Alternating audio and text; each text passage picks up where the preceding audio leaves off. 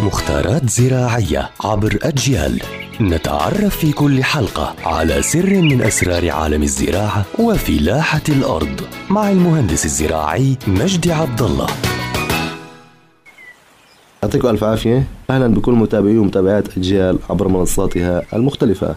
رح نحكي اليوم عن موضوع مهم أيضا وهو تفل القهوة. تفل القهوة يعني أنا شربت قهوة. في موجود التفل أو بقايا القهوة. هاي أيضا يمكن استخدامها زراعيا واستغلالها زراعيا. هنتعرف على طريقة التحضير وأيضا طريقة الاستخدام وفوائد تفل القهوة. أولا تفل القهوة بيحتوي على العناصر الضرورية للنبات وهي فوسفور البوتاسيوم النيتروجين وأيضا الكالسيوم والنحاس والمغنيسيوم طريقة التحضير يعني كيف أنا بدي أحضر تفل القهوة من أجل استخدامه زراعيا؟ تجمع القهوة يفضل بدون سكر يعني تفضل القهوة تكون سادة وتترك في الشمس لتجف وتصبح كالمسحوق. بنستخدمها رشا يعني بنرش مباشرة على التربة أو بننكحها بالمي ويرش الورق أو يسقى به النبات.